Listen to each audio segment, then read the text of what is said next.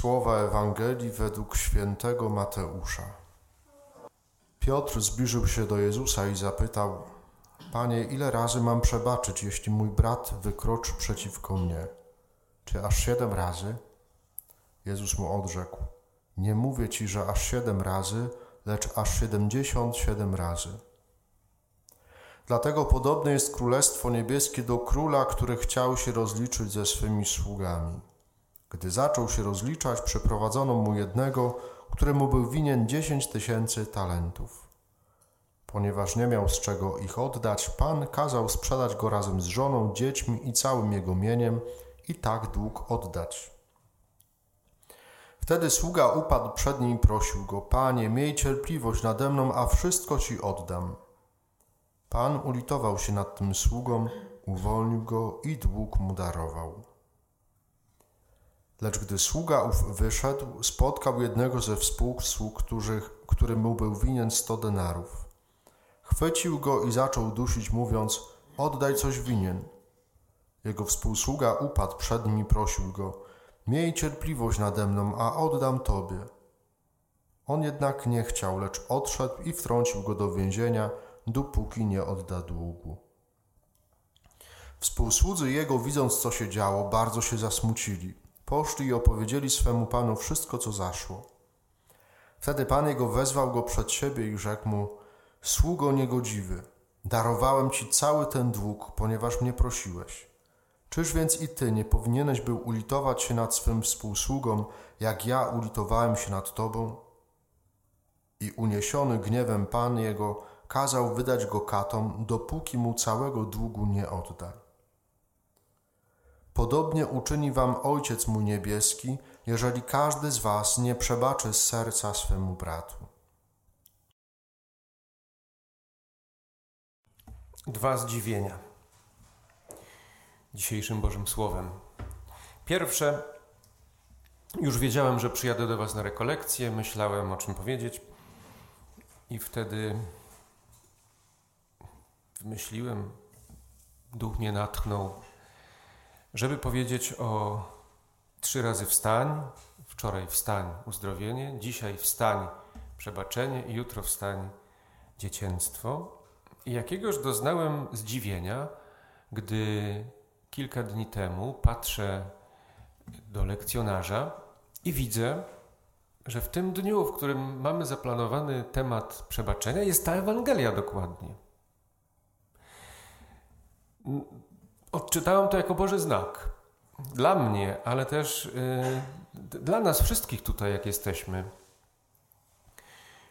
To znaczy, że Bóg rzeczywiście chce przyjść do nas yy, i poruszyć w naszych sercach temat przebaczenia. I warto sobie zadać pytanie dzisiaj, jeżeli będziecie uważali, że rzeczywiście warto, co Bóg chce mi powiedzieć o przebaczeniu? Czego On chce dotknąć w moim sercu? Bo te rekolekcje mają sens tylko wtedy, jeżeli Bogu pozwolimy działać. Słowa, które słyszymy, one mają nas do czegoś zaprosić. Y, to jest taka iluzja, której często ulegamy. Większość z Was to są studenci tutaj, prawda? Studiujecie jakieś y, zagadnienia teoretyczne czy praktyczne. Pewne i takie, i takie. E, no ale wyobraźmy sobie na przykład lekarza. Jest tutaj ktoś, kto studiuje medycynę? Nikogo nie ma? Czy jest ktoś? Albo pielęgniarstwo. I wyobraźmy sobie lekarza, który uczy się anatomii, uczy się jak operować i nawet może ulec takiej iluzji, że już potrafi to robić. Dopóki nie stanie przy stole operacyjnym i ma to zacząć robić. Taka sama sytuacja z księdzem, który uczy się teologii moralnej, który uczy się, jak będzie spowiadał ludzi, i jakiegoż doznaje zaskoczenia, gdy pierwszy raz siada w konfesjonale i jest po prostu przerażony, bo nie wie, co zrobić. Potem to przerażenie trochę mija. Dalej nie wie, co zrobić, ale przerażenie trochę mija.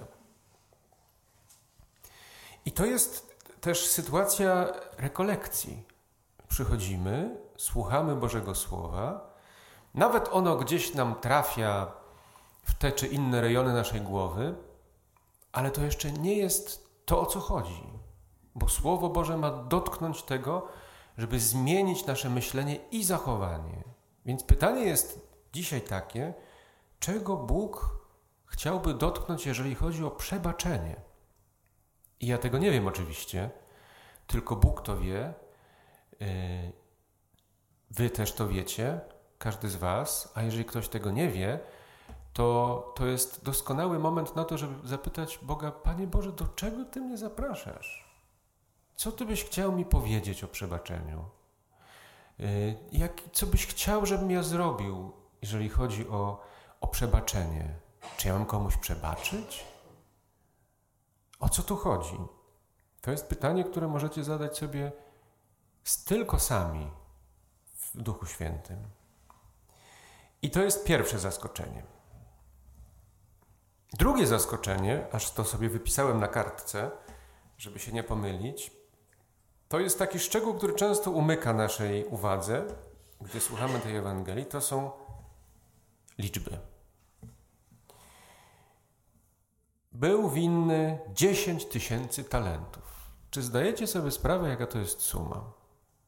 Ja do dzisiaj sobie nie zdawałem sprawy, chociaż wiedziałem, ile to jest talent. Pamiętacie tę Ewangelię o talentach?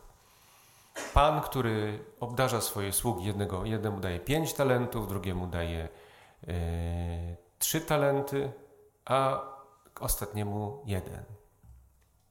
I wyjeżdża, zostawiając ten majątek pod ich zarządem.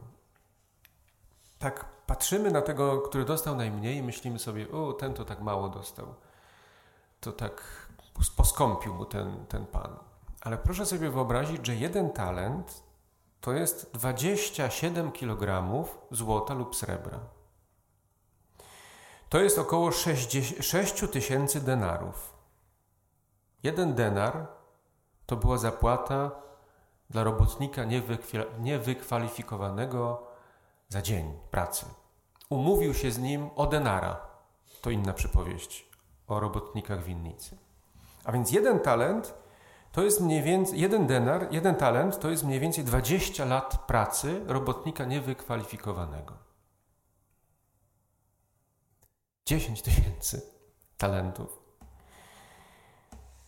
To jest aż muszę spojrzeć tutaj, to jest 20 tysięcy lat pracy robotnika niewykwalifikowanego. 20 tysięcy lat pracy. To w ogóle nam się w głowie nie mieści, co to jest za suma. I on jest tyle winien swojemu Panu. Czy on jest w ogóle w stanie, to, to, to w ogóle. Nie, nie wiem, czy są ludzie, którzy mają tyle pieniędzy. Może są. Mam za małe myślenie a może byli tacy ludzie, tego na pewno nie było stać na to, żeby oddać. Musiał 200 tysięcy lat pracować. I Pan mu to daruje. Mówi: Daruję ci to. Natomiast on idzie i zaczyna dusić swojego dłużnika, który jest mu winny ile? 100 denarów. A więc 100 dni pracy. Proszę zobaczyć dysproporcję pomiędzy jedną sumą i drugą. I my jesteśmy w sytuacji tego człowieka, któremu darowano 10 tysięcy talentów. To jesteśmy my. My nie mamy z czego oddać. To w ogóle nie ulega wątpliwości. Chociażbyśmy do śmierci się starali i pracowali dniem i nocą, to nie jesteśmy w stanie tego spłacić. I to pokazuje wielki, miłosierny gest Boga, który mówi: Wszystko to kasuje. Nie przejmuj się tym. I stąd jest, tylko wtedy będziemy w stanie przebaczyć innym. Jeżeli zobaczymy, że ile nam przebaczono. Bo jeżeli nie zobaczysz tego, nie ucieszysz się tym i nie przyjmiesz tego, że Bóg ci darował całą Twoją winę, to 10 tysięcy talentów, to wtedy będziesz tak małodusznie gnębił tych wszystkich, którzy są ci winni jakieś drobiazgi. Będziesz człowiekiem, który upomina się o grosze, mając majątek. Są tacy ludzie oczywiście, ale to nie jest chrześcijaństwo. To jest jakaś małość, która tak naprawdę jest też jakimś, jakąś rolą niewoli, w którą zostajemy złapani. A więc dzisiaj pytanie, co Bóg chce Ci powiedzieć o przebaczeniu? Do czego chcecie zaprosić konkretnie? Żebyś wyszedł stąd rzeczywiście z, kon z konkretnym pytaniem, zaproszeniem. I dwa, ucieszyć się tym, ile mi zostało darowane. Bo przecież to jest, to jest dobra nowina. To jest dobra nowina chrześcijaństwa. Przestajesz być niewolnikiem. Nie jesteś już dłużnikiem. Jest ktoś, kto ci darował. A nawet jeżeli jeszcze ci nie darował, albo nie, nie, nie wiesz, że ci darował, to już dawno ci darował. Zobacz to i uciesz się tym.